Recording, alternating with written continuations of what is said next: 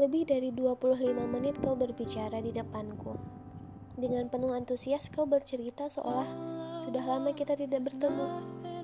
Kupandangi wajahmu yang semangat dengan ceritamu. Ya, akhirnya aku menyadari memang sudah lama sekali sejak terakhir kali kita bertemu. Bahkan aku pun tak ingat saat itu. Kali ini kau bercerita tentang dia yang bahkan tak tahu itu siapa. Namun dengan bodohnya aku tetap saja mendengarkanmu seperti biasa. Entah kenapa, setiap kali kau bercerita energi positif selalu terasa.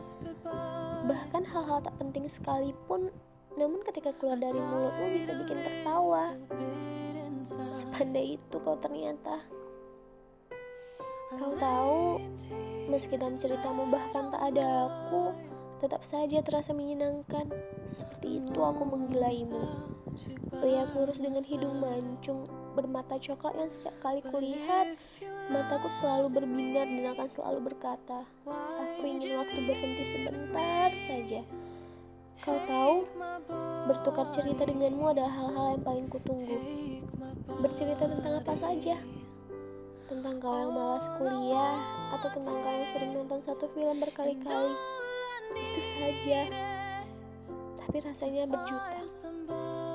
Tapi tiba-tiba kau bertanya, apakah aku bisa mendapatkannya? Lalu aku sekarang lupa jam berapa.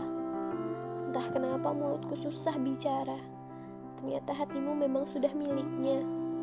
Aku harus jawab apa? Bisa. Kau harus usaha. Coba saja kejar dia, ujarku menatapmu dengan yakin. Lalu bunuh aku dengan penuh luka. Iya, aku bahagia melihat kau bahagia dengannya.